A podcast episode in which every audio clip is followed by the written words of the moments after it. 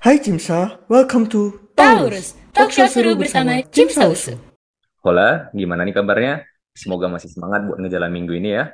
Sebelumnya kenalin aku, Dr. Amin Saleh, dokter internship yang sekarang menjadi moderator podcast Taurus kali ini. Dalam episode Taurus kali ini, kita akan membahas mengenai sesuatu yang asik nih, yaitu pro dan kontra telemedicine dalam pelayanan kesehatan.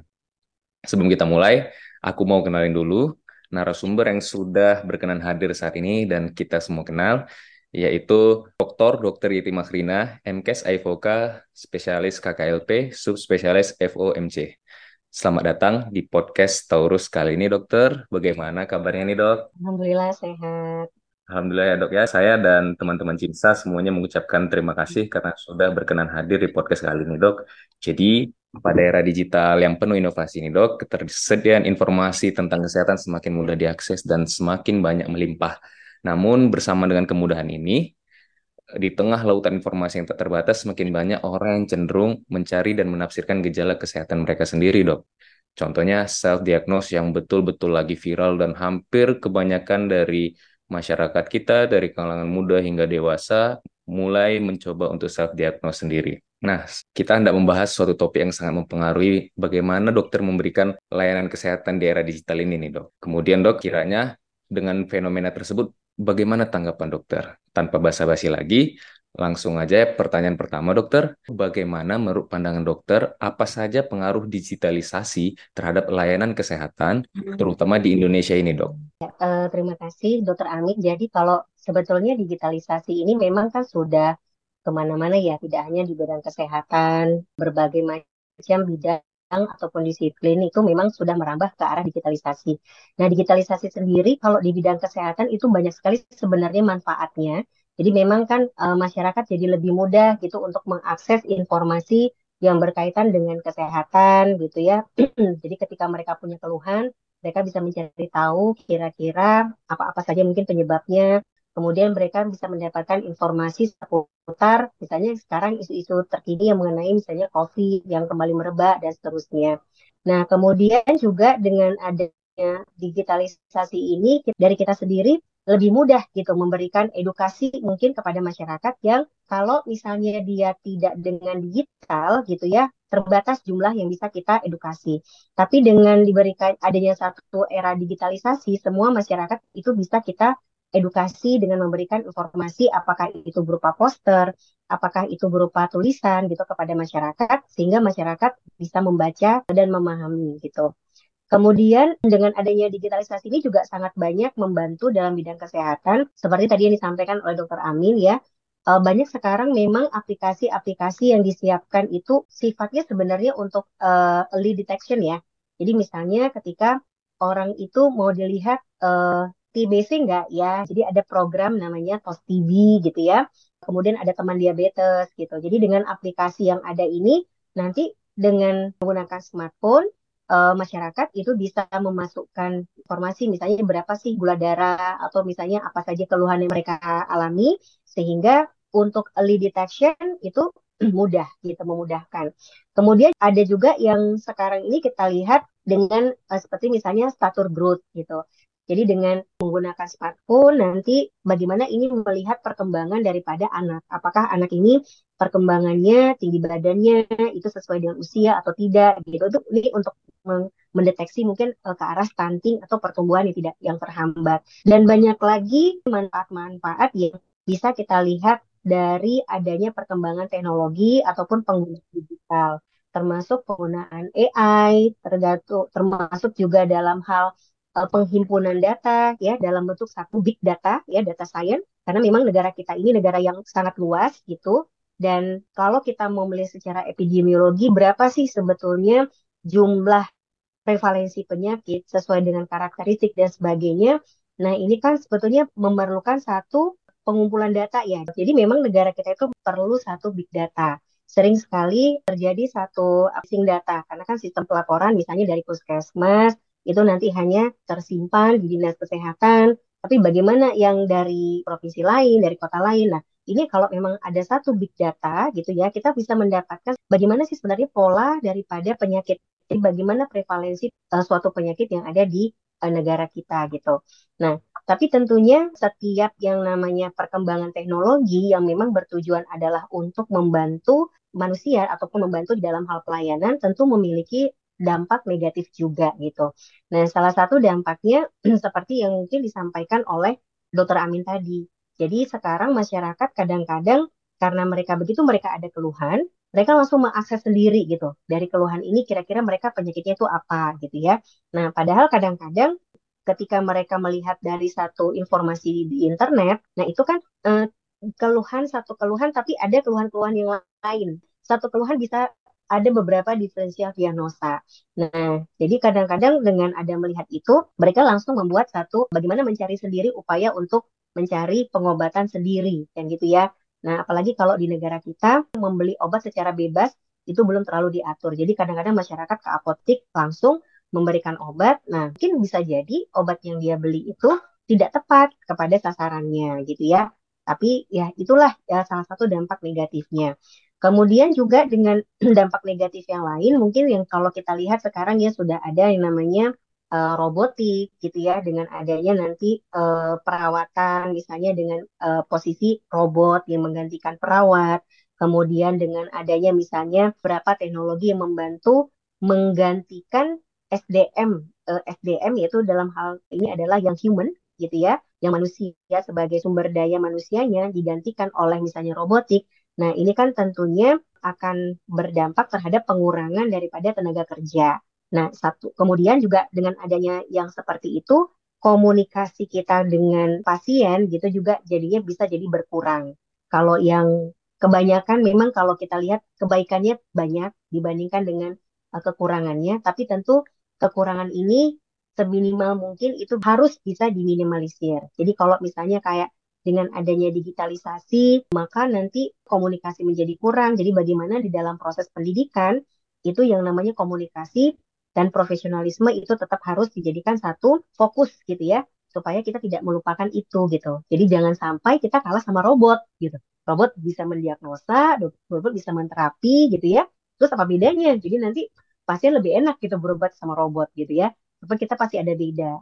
Jadi komunikasi profesionalisme itu tetap harus dijaga. Baik dokter, luar biasa sekali dokter. Sedikit membahas lebih spesifik dokter, tadi dokter sudah menjelaskan mengenai telemedicine, mengenai big data, bahkan hingga robotik. Kita sangat tertarik dokter untuk satu produk yang paling sering dan sangat akrab digunakan oleh masyarakat yaitu telemedicine dok. Jadi dokter, beberapa produk telemedicine itu sering sekali dipakai masyarakat untuk memperkirakan diagnosis dari keluhan kesehatan yang dialami. Dan tadi sudah dokter sebutkan juga bahwa salah satu perannya adalah sebagai early diagnosis untuk masyarakat. Karena banyak nih masyarakat pakai Google kan dok, mereka cari jantung berdebar, kemudian keluar diagnosisnya sakit jantung bawaan. Pokoknya yang serem-serem gitu kan dok, hingga akhirnya mereka menggunakan telemedicine untuk akhirnya bisa lebih clear lagi nih dapat pencerahan dari dokternya. Kira-kira dokter, apa peran lain dari telemedicine ini dalam memberikan pelayanan kesehatan bagi masyarakat kita ya dok? Jadi kalau untuk dia telemedicine ya, jadi kan salah satu juga tadi uh, yang disebutkan bahwa kalau untuk early diagnosis uh, atau early screening ya detection early detection itu tidak dengan telemedicine juga bisa ya tadi dengan beberapa aplikasi misalnya teman diabetes gitu ya. Kalau dia misalnya dengan telemedicine, nah ini kan lebih kepada bagaimana adanya hubungan ya, hubungan komunikasi antara dokter dengan pasien tetapi melalui media teknologi tanpa bertatap muka gitu. Jadi salah satu juga memang sisi positifnya dengan adanya telemedicine ini artinya masyarakat itu dia bisa kapan saja, di mana saja dia bisa berkonsultasi dengan dokter. Kalau untuk di kitanya ini memang memudahkan kita gitu. Misalnya seorang dokter tapi dia juga seorang ibu gitu ya. Dia tidak harus keluar dari rumah, bisa di rumah, yang penting ada wifi, ada internet dia bisa jadi bisanya dia buka praktek dari jam sekian sampai jam sekian dan dia terima e, masyarakat itu siapa yang mau berkonsultasi. Nah, kalau di masyarakat mungkin satu sisi begitu juga kalau dia mungkin e, berada di daerah dengan demografi yang lumayan sulit atau dia memang e, pada saat itu dia males untuk keluar. Jadi kalau tentu kan dia ada ada sisi negatifnya juga gitu. Jadi kalau dari sisi negatifnya memang bukan sisi negatif lah ya, kelemahan ya kita bilang ya. Kalau sisi negatif nanti kayaknya buruk kali gitu. Jadi sisi kelema kelemahan daripada telemedicine ini adalah tidak ada tatap muka. tidak ada eye to eye contact gitu. Sementara uh, kita di dalam melakukan komunikasi itu kan yang sebaiknya harus ada eye to eye contact. Jadi kita melihat sendiri siapa sih pasien kita ini secara psikologis dia seperti apa, bagaimana karakternya, apakah sakitnya ini memang betul-betul dirasakan gitu. Kadang-kadang kan kalau dia hanya sekedar chat aja, dia bilang dia sakit, dia sesak, tapi kita nggak bisa menilai dengan nyerinya itu seperti apa kalau kita nggak melihat langsung gitu. Ibaratnya kalau misalnya dengan visual analog scale, eh, kita bisa lihat ibu kalau dari 0 sampai 11, 10 itu kita bisa kira-kira kan visualkan itu dia seperti apa nyerinya. Nah ini kan tidak bisa kalau dengan telemedicine. Nah ini keterbatasan seperti ini dan juga kita nggak bisa touch kan harus ada salam, sapa dan sentuh. Jadi kita beri salam, kita sapa dan kita sentuh pasien. Artinya kita lakukan pemeriksaan fisik kepada pasien. Nah kalau dengan telemedicine ini kan kita nggak bisa nyentuh. Jadi kita nggak bisa langsung berisa berapa sih nadinya, mana yang dipapasi, mana yang sakit, apakah ada teraba benjolan. Artinya dengan kondisi kelemahan seperti ini, kita betul-betul memang di dalam konsep telemedicine harus ada saling kepercayaan antara dokter sama pasien. Jadi pasien itu percaya bahwa ini si dokter kira-kira nih bisa nih e, menyelesaikan masalah kesehatan saya. Tapi si dokter pun harus bisa mempercayai bahwa pasien ini bisa menjadi delegasi dari panca inderanya gitu. Jadi ketika misalnya si pasien ini mengatakan, dok saya sakit seperti ini, seperti ini, seperti apa sakitnya? Kalau coba ibu tekan di ulu hati, ada nggak sakit seperti itu? Kalau ibu periksa nadi, berapa nadinya? Nah seperti itu. Jadi kalau kalau saya ya lebih fokus itu kalau yang telemedicine itu konsepnya memang bisa misalnya ini saya nih, misalnya saya berkonsultasi dengan dokter Amin. Kita ada langsung apakah video call, apakah dengan via Zoom. Jadi nanti saya tanya, e, coba e, misalnya nanti dokter Amin bilang, e, Bu, coba tekan nadinya di sebelah sini atau seperti ini buat, nah berapa kali per menit e, nadinya. Kemudian coba ibu nafas biasa, coba dihitung berapa. Nah, coba sekarang dengan telapak tangan ibu, ibu letakkan di perut, ibu tekan ke arah sini. Nah, ada nggak nyeri? Nah, seperti itu lebih enak ya, dokter Amin ya. Tapi kalau memang hmm. yang sekarang ini kan yang ada itu kan uh, hanya memang bicara gitu ya, artinya hanya berdasarkan chat aja, apa keluhannya, apa yang dirasakan. Dan jadi kita betul-betul harus bisa mempercayai bahwa informasi yang disampaikan si pasien ini benar gitu. Ya mungkin oh. itu dokter Amin kira-kira. Oh. Baik dokter, tadi dokter sudah cukup banyak menjelaskan dok untuk hmm. pertanyaan terakhir nih dok. Sekaligus pertanyaan akan menutup podcast kita kali ini. Kira-kira apa pesan yang ingin dokter sampaikan sebagai edukasi kepada masyarakat awam mengenai telemedicine, terutama bagi masyarakat yang menjadikan media internet itu menjadi sumber informasi mengenai kondisi yang dialami mereka, sehingga mereka menjadi self-diagnose terhadap kondisinya, dokter. Ya, uh, kepada mungkin uh, masyarakat ya di Indonesia bahwa memang dengan adanya era digital ini kita silakan Bapak Ibu dan teman semua mengakses, membaca, mencari informasi seputar kesehatan, baik itu kesehatan pribadi maupun kesehatan keluarga. Namun ingat bahwa apa yang disampaikan itu terkadang di dalam website ataupun di, di Google atau di internet itu bukanlah holistik dari semua semua gejala gitu pada penyakit. Kadang-kadang diperlukan juga karena banyak dari satu keluhan itu bisa beberapa nanti diagnosa banding yang bisa ditegakkan dari satu keluhan saja. Nah, jadi untuk bisa mendapatkan jawaban ya, maka masyarakat silahkan untuk bertanya, mempergunakan fasilitas, boleh men-searching, kemudian melakukan uh, telemedicine, tetapi kalau misalkan keluhannya itu terus berlangsung, kalau kira-kira memang diperlukan pemeriksaan lebih lanjut, tetaplah memanfaatkan fasilitas kesehatan yang ada. Jadi bertemu langsung dengan petugas kesehatan ya, medis dan juga para medis yang mungkin bisa membantu ya, karena terkadang mungkin ada keterbatasan informasi yang diberikan di website gitu ya, atau ada keterbatasan informasi yang disampaikan pada saat telemedicine. Jadi tetap yang namanya fasilitas kesehatan bertemu langsung dengan dokter ya pada saat Bapak Ibu punya keluhan itu akan menjadi lebih baik untuk mendapatkan jawaban. Tetapi tidak ada salahnya ya supaya kita juga punya perilaku hidup sehat dan tahu kita bagaimana cara menjaga diri dan keluarga uh, tetap sehat, mencegah terjadinya tertular penyakit. Kita juga perlu mendapatkan informasi-informasi dari kemajuan teknologi yang ada saat ini. Mungkin itu dari saya, Dr. Amin. Dan buat teman-teman, adik-adik semua yang teman sejawat ya dan juga adik-adik yang masih berada di Fakultas Kedokteran gitu ya. Manfaatkan momen-momen ini untuk kalian belajar ya bagaimana sih sebenarnya menjadi dokter yang betul-betul profesional. Bagaimanapun kita tidak bisa digantikan oleh robot karena kita punya yang namanya profesionalisme. Kita punya hati nurani dan pasti akan berbeda touch kita ketika kita menyentuh pasien itu dengan seutuhnya dibandingkan dengan teknologi yang menyentuh pasien kita. Mungkin itu dokter Amin.